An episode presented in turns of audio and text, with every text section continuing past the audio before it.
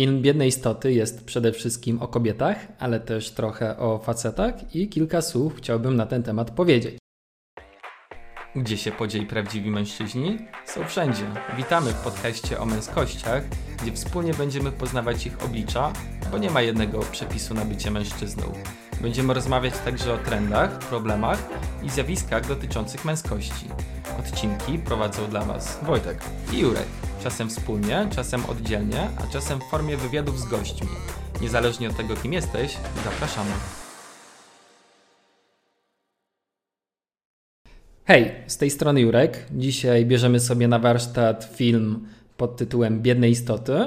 I to jest taki film, który wpisuje się w nurt filmów o tożsamości damskiej, męskiej i to jak kultura tę tożsamość kształtuje, jaki ma wpływ na tożsamość. I tutaj możemy wymienić Barbie, którą już z Wojtkiem recenzowaliśmy, ale też na przykład serial e, Josta e, na HBO czy Drogę przez Teksas. Z wielką przyjemnością też te dwa tytuły dla Was zrecenzujemy.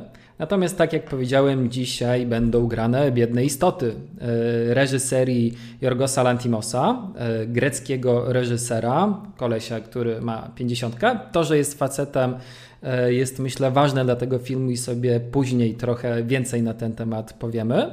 No i ten reżyser zaprosił do tego filmu Emma Stone, Williama Defoe, znakomitych aktorów, którzy zrobili znakomity klimat Film ma już y, na koncie 11 nominacji do Oscarów, budżet 350 milionów do, dolarów, więc y, no, było czym szastać. I też na wstępie chciałbym podziękować moim koleżankom z pracy, Natalii i Zori, które przekonały mnie do tego, żebym zrobił odcinek na temat tego filmu. Dzięki nim wziąłem notes do kina i absolutnie się na tym nie przejechałem. I chciałbym też podziękować y, dr Urbani Kopeć, której wykłady y, mam poczucie, że bardzo pomogły mi odbiór tego filmu zrozumieć. I co ja o tym filmie mogę powiedzieć tak na wstępie? Z mojej perspektywy jest to film bardzo dobry artystycznie, y, świetne zdjęcia, bardzo fajna muzyka, rewelacyjne aktorstwo. No i ten Lantimos ma to do siebie, że jego filmy często mają też aktualne przesłania. No i tym razem nie było inaczej. I tutaj rzucam na początek spoiler alert, dlatego że będę mówił dużo o fabule, będę mocno zdradzał, co poszczególne postacie robiły, więc jeżeli nie planujecie oglądać tego filmu, to spoko. Jeżeli oglądaliście ten film, to jeszcze bardziej spoko. A jeżeli dopiero planujecie oglądać ten film, no to radzę Wam jednak wrócić troszkę później i poczekać z posłuchaniem tego odcinka, chyba że nie możecie się doczekać. To damy radę. Powiem kilka słów na temat setupu tego filmu, gdzie się on dzieje, jak się dzieje, bo myślę, że to jest dosyć istotny zabieg reżysera. Po pierwsze, jest to świat fikcyjny, do którego możemy się zdystansować, ponieważ no nie jest on taki z krwi kości filmem dokumentalnym czy historycznym, ale z drugiej strony możemy realia tego filmu osadzić mniej więcej w jakiejś, w odpowiedniku jakiejś epoki historycznej, ponieważ no wyobraźmy sobie czas y, trochę późniejszej rewolucji przemysłowej, wręcz bardziej XIX wiek, y, ale też y, pomieszania tego z epoką oświeceniową, no i mamy z tego właśnie setup filmu Biedne Istoty. Natomiast y, ja chciałbym zostać bliżej tego XIX wieku, bo to jest bardzo, myślę, ważny wątek i ważna perspektywa w ogóle pod kątem interpretacji tego filmu. Ja sobie od dawna obiecuję i przyrzekam przed sobą i w takim razie teraz przed Wami, y, że y, chciałbym zrobić dla Was serię historyczną, gdzie będę opowiadał o y, historii męskości w starożytności, średniowieczu, no i w ogóle we wszystkich epokach. Natomiast XIX wiek ma z perspektywy płci y, bardzo duże znaczenie, bo można powiedzieć, że y, wtedy kształtowało się nasze takie tradycyjne rozumienie, czym jest kobiecość i czym jest męskość. I to w ogóle zaczęło się od y, miast Miast w takim sensie, że w XIX wieku miasta zaczęły być centrum przemysłu, budowano tam y, dużo fabryk, do fabryk potrzebowano rąk do pracy, a co za tym idzie, do miast wprowadzało się bardzo dużo ludzi ze wsi, więc można powiedzieć, że doszło do y, takiego spotkania dwóch różnych klas społecznych. Dotychczasowych, bogatych mieszczan i klasy takiej właśnie ludowej, która później przechodziła w robotniczą. I pod kątem stylu życia, wykształcenia, podejścia do codzienności, te dwie klasy się mocno różniły. No i dla tych mieszczan to było niepokojące, ponieważ ci ludzie, którzy przybyli do tych miast, w inny sposób się bawili, w inny sposób podchodzili do muzyki, w inny sposób podchodzili też na przykład do alkoholu, do kwestii spontaniczności i tak dalej. No i dla tych mieszczan to było trochę przerażające zetknięcie. Dlatego bardzo szybko doszło do takiego podziału na dom w mieście i na to, co poza domem. I dom miał taką funkcję, że był taką ostoją bezpieczeństwa, ostoją wytchnienia, spokoju, versus świat na zewnątrz, który jest światem przerażającym, pełnym niebezpieczeństw, gdzie właśnie po ulicach chodzą pijani robotnicy, którzy w każdej chwili mogą cię napaść, zniesmaczyć i zrobić ci krzywdę. A dom, no to właśnie było takie sanktuarium. I e, jeśli chodzi o podział płciowy, kobiety stały się odpowiedzialne za dom, one zostawały w tym domu i pilnowały tego, żeby panowała tam dobra aura, wychowywały dzieci, prowadziły ten dom, czekały z posiłkiem, aż mąż wróci z pracy i no, one były traktowane jak to, jako takie anioły tego domu i za to były gloryfikowane. Natomiast do mężczyzn należała przestrzeń na zewnątrz, poza domem, że mężczyzna wychodził zarabiać, E, przynosić chleb do domu w ramach jakiejś zagrażającej zdrowiu czy życiu sytuacji, musiał być zdolny do obrony, obrony siebie i rodziny. Natomiast no, to, co można powiedzieć było bardziej fortunne wobec mężczyzn, no to to, że na pewno byli bardziej mobilni, ponieważ oni swobodnie się przemieszczali. No, ale też oczywiście mężczyźni mieli o wiele więcej przewag, dlatego że mieli prawa wyborcze, kształt kształtowali rządy, albo też na przykład mogli studiować, e, podczas gdy e, uniwersytety dla kobiet w XIX wieku były bardziej rzadkością niż nie. No i to były też takie czasy, gdzie kobiety były własnością mężczyzn. Jest taka teoria socjologiczna Lewiego Sztrosa, który twierdził, że porządek społeczny wynika z wymiany kobiet między mężczyznami. Czyli, że na przykład jak mamy ojca, głowę rodziny, no to on wydaje swoją córkę za mąż innemu mężczyźnie, dzięki czemu się budują sojusze, y, sieć zależności i kobiety są pewnego rodzaju tutaj towarem, są uprzedmiotawiane. Kończąc wątek tego XIX wieku, y, pa pamiętajmy, że role płciowe były wtedy bardzo precyzyjnie konstruowane. Mężczyzna jest taki, kobieta jest taka i to było wszystko z taką domieszką mocnego gorsetu kulturalnego. Jak sobie wyobrażamy epokę wiktoriańską, tę pruderyjność, no to są właśnie te klimaty, o których sobie mówimy. I jeszcze y, istotnym wątkiem, który też y, jest ważny dla tego filmu, no to jest podejście do seksualności. Jak mówimy o XIX wieku, no to mówimy o czasach, y, kiedy Freud wychodził z psychoanalizą, kiedy Najbardziej popularne poglądy mówiły o tym, że kobiety, szczególnie te wysoko urodzone, z definicji nie kierują się popędami seksualnymi, że nie potrzebują seksu dla przyjemności, że seksualność mężczyzn jest gdzieś tam do granic możliwości podgrzana i funkcją, rolą kobiety też jest to, żeby dzięki ogładzie, spokojowi, takiej cnotliwości nawracać mężczyzn na cywilizowane podejście do seksualności, a co za tym idzie, no w XIX wieku po prostu bano się naszej ludzkiej natury i naszych ludzkich popędów i ludzkich emocji. I teraz y, chciałbym Wam powiedzieć kilka słów o fabule, zanim zaczniemy sobie tę część bardziej interpretacyjną. No więc tak, film zaczyna się jak poznajemy główną bohaterkę, która y, nazywa się Bella. Bella jest ewidentnie kobietą z bogatego domu, ma na oko między no, około 30 lat, jest ona ciężarna i zrzuca się z mostu. Wydaje się, że popełniła samobójstwo, natomiast okazuje się, że wcale tak się nie stało, ponieważ tutaj e, na scenę wchodzi szalony naukowiec grany przez Defoe, e, który e, postanawia wskrzeszać Bellę, ponieważ ma aparaturę niczym dr Frankenstein i wskrzesza Bellę w taki sposób, że Bella okazała się, że jak wpadła do tej rzeki, to doznała śmierci klinicznej, natomiast jej dziecko, które nosiła w brzuchu, było żywe. To, co on postanowił zrobić, to przeszczepić mózg, wyjąć go z czaszki dziecka i przerzucić go do y, czaszki Belli. I tak oto y, Bella zostaje wskrzeszona. I jest to kobieta właśnie biologicznie mająca około 30, natomiast ma mózg mający właściwie 0 lat. Więc e, początek tego filmu jest taki, że Bella e, się rozwija w domu tego naukowca. Ten dom jest duży, można powiedzieć, że jest to pewnego rodzaju pałacyk. Natomiast Bella nie może wychodzić z domu, ponieważ jest straszona światem zewnętrznym.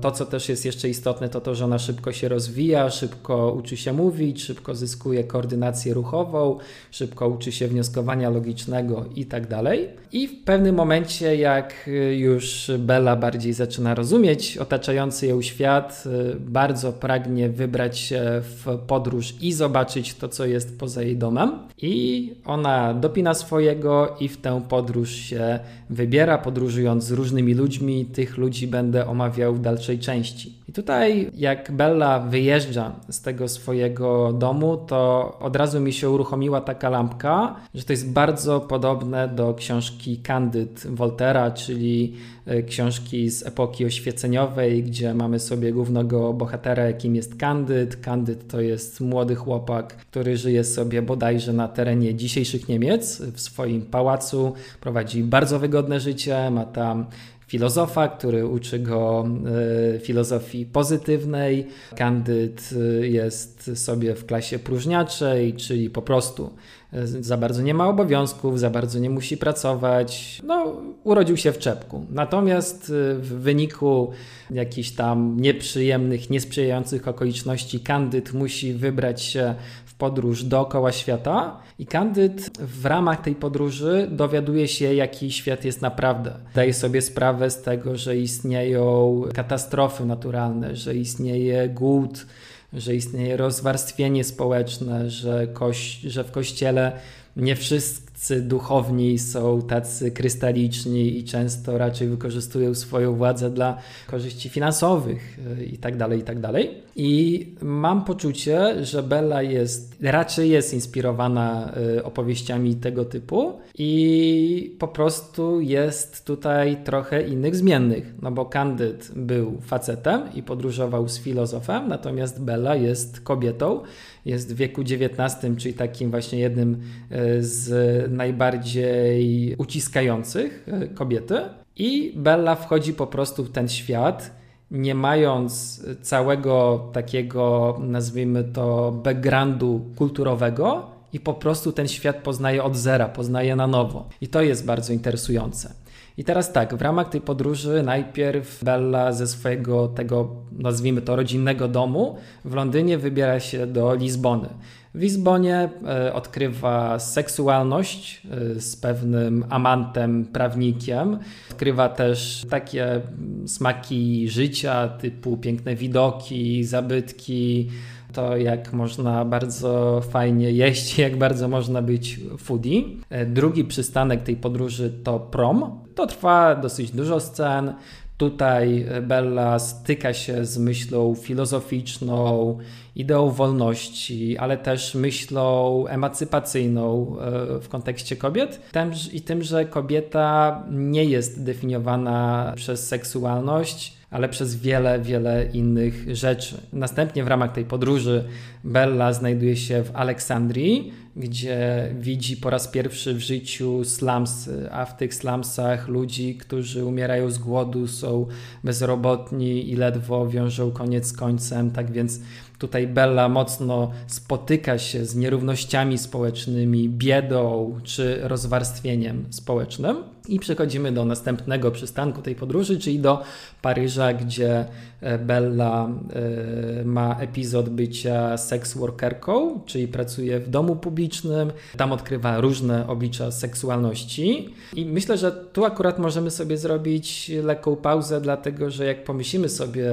właśnie o tych realiach XIX wieku, no to biorąc pod uwagę fakt, że kobiety z wyższych sfer raczej nie były kształcone do tego, żeby w ogóle podejmować pracę zawodową miały dosyć ograniczoną, a właściwie mega ograniczoną możliwość samostanowienia. Kobiety, które były w klasie robotniczej, często chodziły do fabryk, natomiast no, często były to pensje głodowe, więc można powiedzieć, że wtedy było mało sposobów do tego, żeby kobiety były w pełni e, samodzielne. Tak więc e, w Paryżu Bella e, zarabia w miarę sensowne pieniądze jako seks workerka dzięki czemu może podjąć studia medyczne i rozwijać się w jednej z zapewne nielicznych y, uczelni otwartych dla kobiet na świecie ale w Paryżu poznaje też ideę socjalizmu. Przypomnijmy, że socjalizm y, w tamtych czasach przede wszystkim dotyczył kwestii ekonomicznych,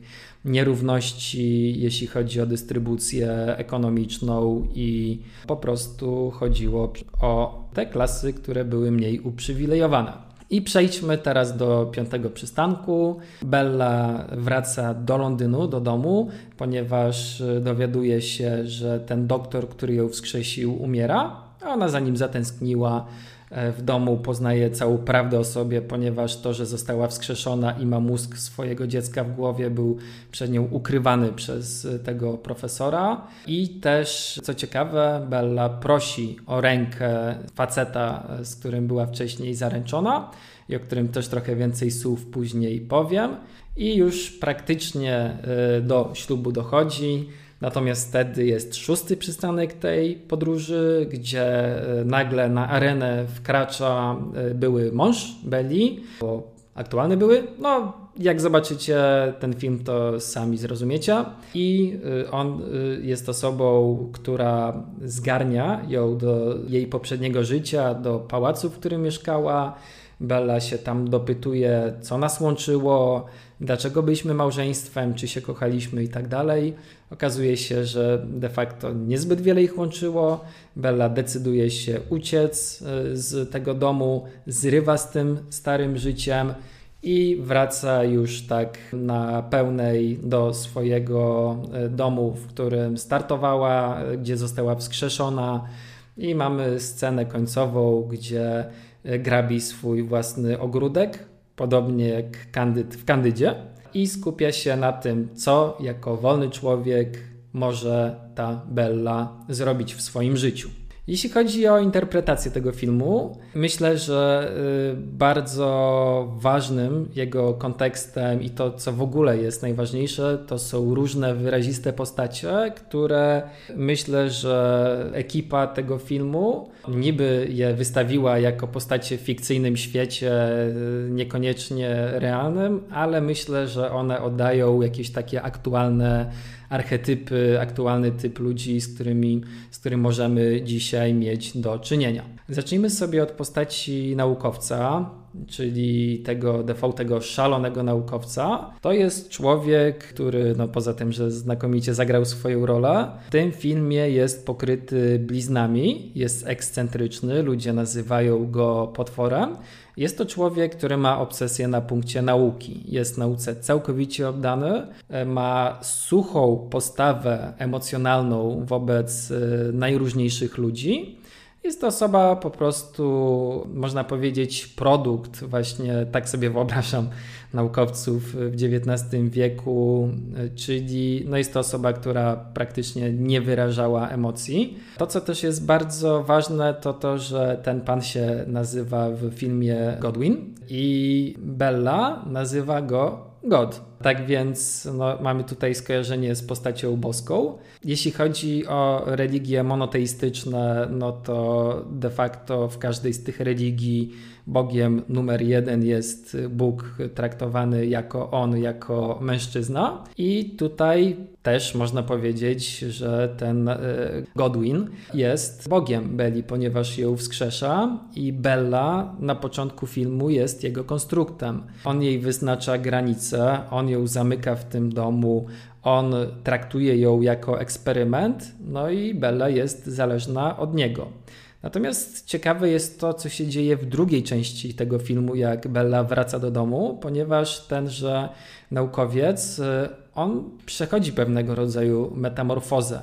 Dowiadujemy się m.in. tego, że był wychowywany w bardzo chłodny i zimny sposób że jego ojciec, który też był naukowcem, był sadystą i traktował tego profesora jako królika doświadczalnego. Torturował go, stąd ten profesor ma blizny na swoim ciele. I pomimo tego, w jakich warunkach profesor się wychowywał, on w drugiej części filmu mm, dociera do niego, że Bella jest mu jak córka, mówi o swoim przywiązaniu do niej Bella jest dla niego ważna, jest świadkiem na jej ślubie. I no, pomimo tego, że Godwin no, nie jest jednoznacznie pozytywną postacią, to jest myślę symbol pewnej takiej zmiany pokoleniowej. No bo jak sobie myślę o historii XX wieku i XXI wieku, no to ludzie mają tendencję do tego, że jednak coraz bardziej się otwierają na emocje jednak nie dzieje się to w sposób taki geometryczny, tylko stopniowy. I to jest kwestia zmiany pokoleniowej. I to, co się jakoś w te oczy rzucano, to to, że DV jednak zerwał z tym, jaki był e, jego ojciec. Mamy też postać e, asystenta, tego profesora, którego zadaniem jest śledzić postępy w Beli, jak ta stawia pierwsze kroki, uczy się mówić i uczy się jak żyć. I jest to człowiek z młodego pokolenia, ma w sobie dużo empatii, altruizmu, jest dosyć mocno osadzony w tej XIX-wiecznej kulturze. Natomiast myślę, że możemy go utożsamić z sojusznikami myśli feministycznej. Dzisiaj na takie osoby mówi się allies, sojusznicy. I wielokrotnie podczas tego filmu ten asystent popiera samostanowienie kobiet, równość praw Bella, jak wraca z Paryża, jak mówi asystentowi o tym, że pracowała jako seks workerka, on jest jedną z niewielu osób, y, której to nie dotyka i nie daje Beli łatki, która wskazywałaby na to, że jest kobietą nieczystą, diablicą i tak dalej. No i ostatecznie zostaje on partnerem Beli. Prawdopodobnie biorą ślub y, i są taką parą, która się wspiera, jest otwarta na rzeczywistość. Natomiast też tutaj był taki akcent, że momentami ten asystent był pokazywany nieco prześmiewczo. Natomiast pamiętajmy, że ten film jest komediodramatem, czyli w swojej naturze miał też wątki komediowe. I tutaj te śmieszki e, z tego asystenta budują mi analogię z filmem Barbie, gdzie mieliśmy e, męża głównej bohaterki, który był altruistyczny, odpowiedzialny, opiekuńczy, ale e, widz dostawał informację, że przy tym jest nudny, jest określony trochę jako klucha, więc raczej był postacią też lekko prześmiewczą. Mamy trzecią postać, mamy Amanta, który był prawnikiem i który porwał Bellę do Lizbony. I to jest taki archetyp dzisiejszego bad boya, że on otworzył Bellę na świat y, seksu, był bardzo sprawnym kochankiem, y, dostarczał jej dużo wrażeń pod kątem takiej nagłości, ekscytacji itd. Tak Natomiast y, w, w chwilach napięcia, kiedy coś mu się nie udawało, coś było po jego myśli, no to ta fasada tego kolegi jako samca alfa się sypała i wtedy sięgał po mechanizmy tak zwanej toksycznej męskości, czyli e, robił sobie krzywdę uciekając w alkohol, hazard, przegrywając pieniądze, nawet y, no, szedł też w autoagresję, ponieważ walił głową o blat y, i też y, stwarzał niebezpieczeństwo dla innych, ponieważ jak tylko widział, że jakiś inny facet próbuje rozmawiać z Bellą, no to wtedy on z pięściami szedł na niego i się robiło grubo. Tak więc y, no, myślę, że z perspektywy dzisiejszej też łatwo nam sobie wyobrazić, że taki typ mężczyzn takie osoby istnieją. Mamy też postać byłego męża Belli, który jest despotą, jest takim panem na zamku, który ma skrajnie tradycyjne poglądy i bardzo odzwierciedla postać, która gdzieś tam mentalnie została w tym XIX wieku. Tego nie powiedziałem wcześniej, ale Bella postanowiła już tak ostatecznie od niego uciec, jak przypadkiem się zorientowała, że ten jej były mąż chce wyciąć jej łechtaczkę, ponieważ on uważa, że Mm, no, jak wielu innych mężczyzn i chyba kobiet w XIX wieku uważało, że łechtaczka jest jedną z przyczyn tej osławionej damskiej histerii, humorków. Oczywiście to wszystko mówię w cudzysłowie. No więc e, chcę jej wyciąć to, żeby ona po prostu wróciła do swojej takiej pierwotnej roli, żeby była tą kobietą, która wprowadza ogładę w domu i jest e, do tego domu przypięta. I wydaje mi się, że jest to typ, e, przekładając na naszą rzeczywistość, osoby, która czuje się urażona myślą feministyczną, która nie lubi feminizmu i osoby, która nie chciałaby, żeby świat w tę stronę szedł. Mamy też postać Harego i to jest też interesująca postać, tak jak wszystkie inne. W ogóle wszystkie postacie, o których tutaj będę mówił, są interesujące. Harry jest osobą spoza systemu, e, jest czarnoskóry i myślę, że to też nie jest dzieło przypadku, ponieważ no wyobraźmy sobie, w XIX wieku osoby czarnoskóre w Europie nie obsadzały absolutnie topów, y, jeśli chodzi o władzę, dostęp do pieniędzy i tak dalej. I Harry tutaj to, że jest poza systemu, jest pewnego rodzaju atutem tej postaci, ponieważ Harry bardziej krytycznie patrzy na system, który jest wobec niego, a system w tym filmie jest stricte patriarchalny i on dostrzega wpływ kapitalizmu, nierówności społecznych na społeczeństwo, widzi dużo wad tego, jak ten system działa. Natomiast y, ja myślę, że Harego można przyrównać do osoby, myślę do w ogóle większości ludzi, y, którzy żyją na tej planecie, że no, widzą, że ten system nie jest różowy i działa jak działa, ale po prostu godzą się z tym, no, że tak musi być i że jedna jednostka za wiele nie ma tutaj do gadania i nie zmieni specjalnie sytuacji. A jeśli chodzi o postacie damskie, mamy Martę, która jest kobietą e, też poza systemem, ale tutaj ze względu na swój wiek. I to jest też interesujące, że w historii często kobiety, które były po menopauzie, traciły główny ich atut, czyli możliwość posiadania dzieci, możliwość przyciągania, bycia atrakcyjną seksualnie, podziwianą. I Marta jest właśnie symbolem takiej osoby, która dzięki zwolnieniu z tego kulturowego obowiązku ma czas na rozwijanie siebie, swojej osoby, obcowanie z filozofią, tak więc ona przekazuje swoją mądrość Belli i jest kobietą mądrą, tajemniczą, trochę też przerażającą dla niektórych mężczyzn, która przekazuje Belli kilka wątków na temat e, emancypacji. Mamy też kochankę Belli z Paryża i tutaj to też jest osoba spoza systemu, y, też ze względu na kolor skóry, ponieważ jest y, czarnoskóra i ta kochanka otwiera Bellę na miłość biseksualną, czyli też inny typ doznań erotycznych i też wkręca Bellę w myśl socjalistyczną. Więc ona też dokłada do tej, nazwijmy to, kształtującej podróży Belli jeszcze kolejne wątki. Więc można powiedzieć, że Bella zaczyna jako osoba nieświadoma do końca, a jak wraca z tej podróży, no to ma dużo wiedzy nie tylko dotyczącej natury i kontaktu ze swoim ciałem, ale też dużo wiedzy filozoficznej, wiedzy ekonomicznej, wrażliwości społecznej, więc można powiedzieć, jest na wysokim levelu. Patrząc z szerszej perspektywy na ten film, chciałbym podzielić się jeszcze kilkoma wątkami, które przykuły moją uwagę. I y, dla mnie bardzo interesujące było to, jak była pokazana tutaj natura.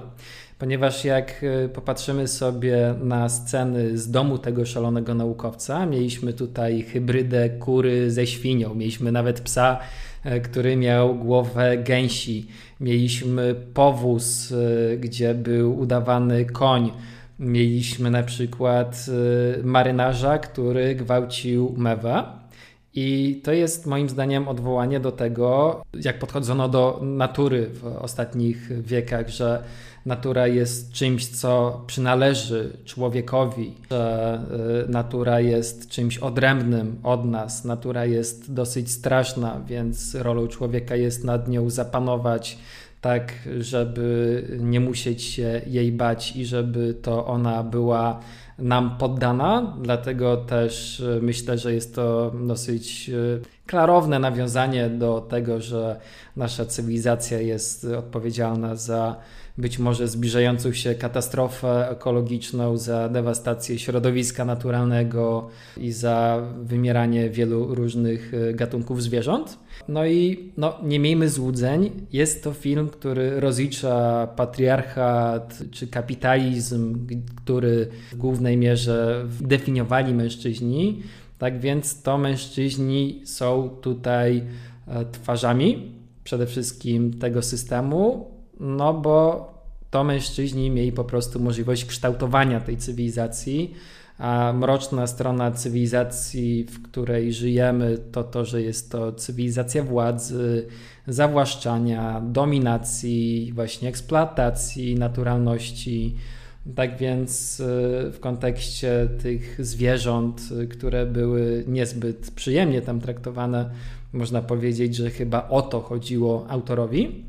Ale też bardzo interesujący jest motyw fan fatal i naznaczanie Beli jako kurwy i tak dalej, i tak dalej, wszelkich, wszelkich innych inwektyw, które dotyczą kobiety, która nie jest cnotliwa według standardów XIX-wiecznych. I to wynika z faktu, że dosyć często bano się po prostu kobiet wyzwolonych, które były samodzielne, które nie potrzebowały mężczyzny do tego, żeby radzić sobie sprawnie e, w życiu.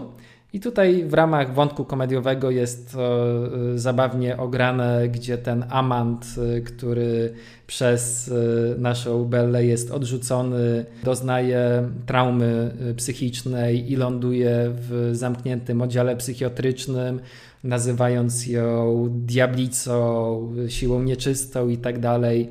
No dlatego, że można sobie wyobrazić, że w, szczególnie w tych historycznych czasach kobieta wyzwolona, wyemancypowana była czymś, co się mało komu y, z góry mieściło w głowie. I to jest film przede wszystkim o tożsamości kobiet, o ich sile, o ich potencjale. I mężczyźni są w nim tłem. I myślę, że tutaj reżyser chciał nam powiedzieć, że skoro patriarchat jest y, mocno dziurawy, no to być może uda nam się zmienić świat, stawiając na prawdziwą równość i wolność jednostek. A te tytułowe biedne istoty to są po prostu kobiety. Ale też y, tak off the record myślę, że warto przyjrzeć się postaciom męskim i zastanowić się, czy w pewnym stopniu to też nie są biedne istoty. No bo jak czytam książki historyczne, jak oglądam filmy historyczne i, ta, i tak dalej, no to jednak nie da się przeoczyć tego, że my wszyscy jako ludzie w jakiś sposób jesteśmy produktami naszej kultury, naszych realiów i wychodzenie poza tę kulturę, zrywanie z tym, jak nas wychowano, po prostu jest trudnym zadaniem, bo nie dość, że trzeba znaleźć sobie siły, żeby no, gdzieś tam odwrócić wzrok od tego Matrixa i popatrzeć w innym kierunku, no to często osoby, które próbują się buntować, są ściągane y, w dół, czy to różnymi właśnie słowami kontroli, inwektywami i oporem ze strony innych osób. Więc można powiedzieć, że jest to jakaś minimalna okoliczność łagodząca bohaterów tego filmu. Reasumując, to nie jest ciepły obraz patriarchatu i tego, jak ten patriarchat podchodzi do kobiet i jakie typy męskości są przeszkodami do osiągnięcia emancypacji. I film przygląda się głównie problemom kobiet i na nich się skupia. I to jak najbardziej rozumiem. I tak na marginesie to nie jest tak, że kino patrzy teraz tylko na kobiety i że świat się zastanawia tylko i wyłącznie, jak można pomóc kobietom, ponieważ y, mamy myśl Bell Hooks, takiej amerykańskiej feministki, która w bardzo odważny sposób powiedziała, w jaki sposób można pomóc mężczyznom i Jestem przekonany, że jeszcze sobie jej myśl omówimy w ramach tego podcastu, czy na przykład męskości ekologiczne, które e, mają pomóc mężczyznom uchronić naszą planetę przed katastrofą, albo po prostu myśl feministyczna, która nie jest tylko dla kobiet, ale zakłada równość i taką prawdziwą równość między płciami. Ale wyobrażam sobie, że o tych wątkach w przyszłości zapewne będą oddzielne filmy, kto wie, może o jednej z tych rzeczy będą bracia ze stali. E, na ten film sobie z Wojtkiem już ostrzymy zęby. I teraz pozostaje na koniec pytanie, dlaczego na początku zaznaczyłem, że reżyser jest facetem? Moim zdaniem, dlatego, że być może chciał powiedzieć tym filmem przepraszam. I jakby nie patrzeć historycznie, są ku temu powody, ponieważ y, w przeszłości kobiety były niżej w hierarchii społecznej, miały znacznie mniej swobód, były zdominowane. Jest też przecież wiele pól dyskryminacji kobiet w dzisiejszych czasach. I tak sobie myślę, że powiedzenie przepraszam nie jest tutaj przesadą albo przysłowiowym ściągnięciem gaci dla mnie to wręcz przeciwnie działa. To świadczy o dużej sile, bo przepraszam, mówi o tym, że dostrzegam Twoje cierpienie. I to jest słowo o dużej mocy, że ono otwiera na dialog i że e, by, otwiera na bycie razem i zauważenie drugiej osoby. I ja wiem, że to brzmi trochę jak e, wypowiedź z filmu Star Wars, e, gdzie wcielam się w rolę jakiegoś Jedi Natomiast no, patrząc na to, jakie mamy dzisiaj okoliczności, jak wygląda debata publiczna, gdzie mamy naparzanki e, polityków, gdzie politycy często mówią przepraszam, jeżeli ktoś poczuł się obrażony i żeby jakiś polityk przyznał się do błędu i powiedział przepraszam, no to po prostu musi zadziać się coś kosmicznego, gdzie mamy dużo dram w social mediach, gdzie ludzie potrafią na siebie rzucać niewybrednymi słowami, dlatego że ktoś zrobił carbonarę ze śmietaną albo pizzę z ananasem, co być może, być może pcham się w gips akurat tymi słowami. Albo mamy też filmiki, że ktoś zmasakrował kogoś, że lewak prawaka, prawak lewaka, że feministka kogoś innego, ktoś inny feministkę masakracja po prostu na całego. Tymczasem bardzo trudno nam przychodzi do tego w tej debacie, żeby powiedzieć: pomyliłem się, przepraszam, nie chciałem, ale widzę Twoją krzywdę i mam wrażenie, że w ogóle przyjęcie krytyki i powiedzenie przepraszam czasami są nam po prostu potrzebne, jeżeli chcemy sobie i innym pomóc. I czy czuję się urażony tym, jak są przedstawieni mężczyźni w tym filmie? No nie. Po pierwsze, artysta ma wolność słowa. Po drugie, nie widzę powodu, żeby na jakąkolwiek krytykę reagować od razu krucjatą. Powiem więcej, ten film mi się bardzo podobał i czekam na kolejne dzieło tego reżysera. Dzięki za przesłuchanie. Hej! Dziękujemy za odsłuchanie tego odcinka do końca. Jeżeli chcesz się z nami skontaktować albo zapoznać się z innymi materiałami o męskościach, odwiedź nas na naszych mediach społecznościowych albo napisz na nasz adres mailowy. Link do nich znajdziesz w opisie każdego odcinka.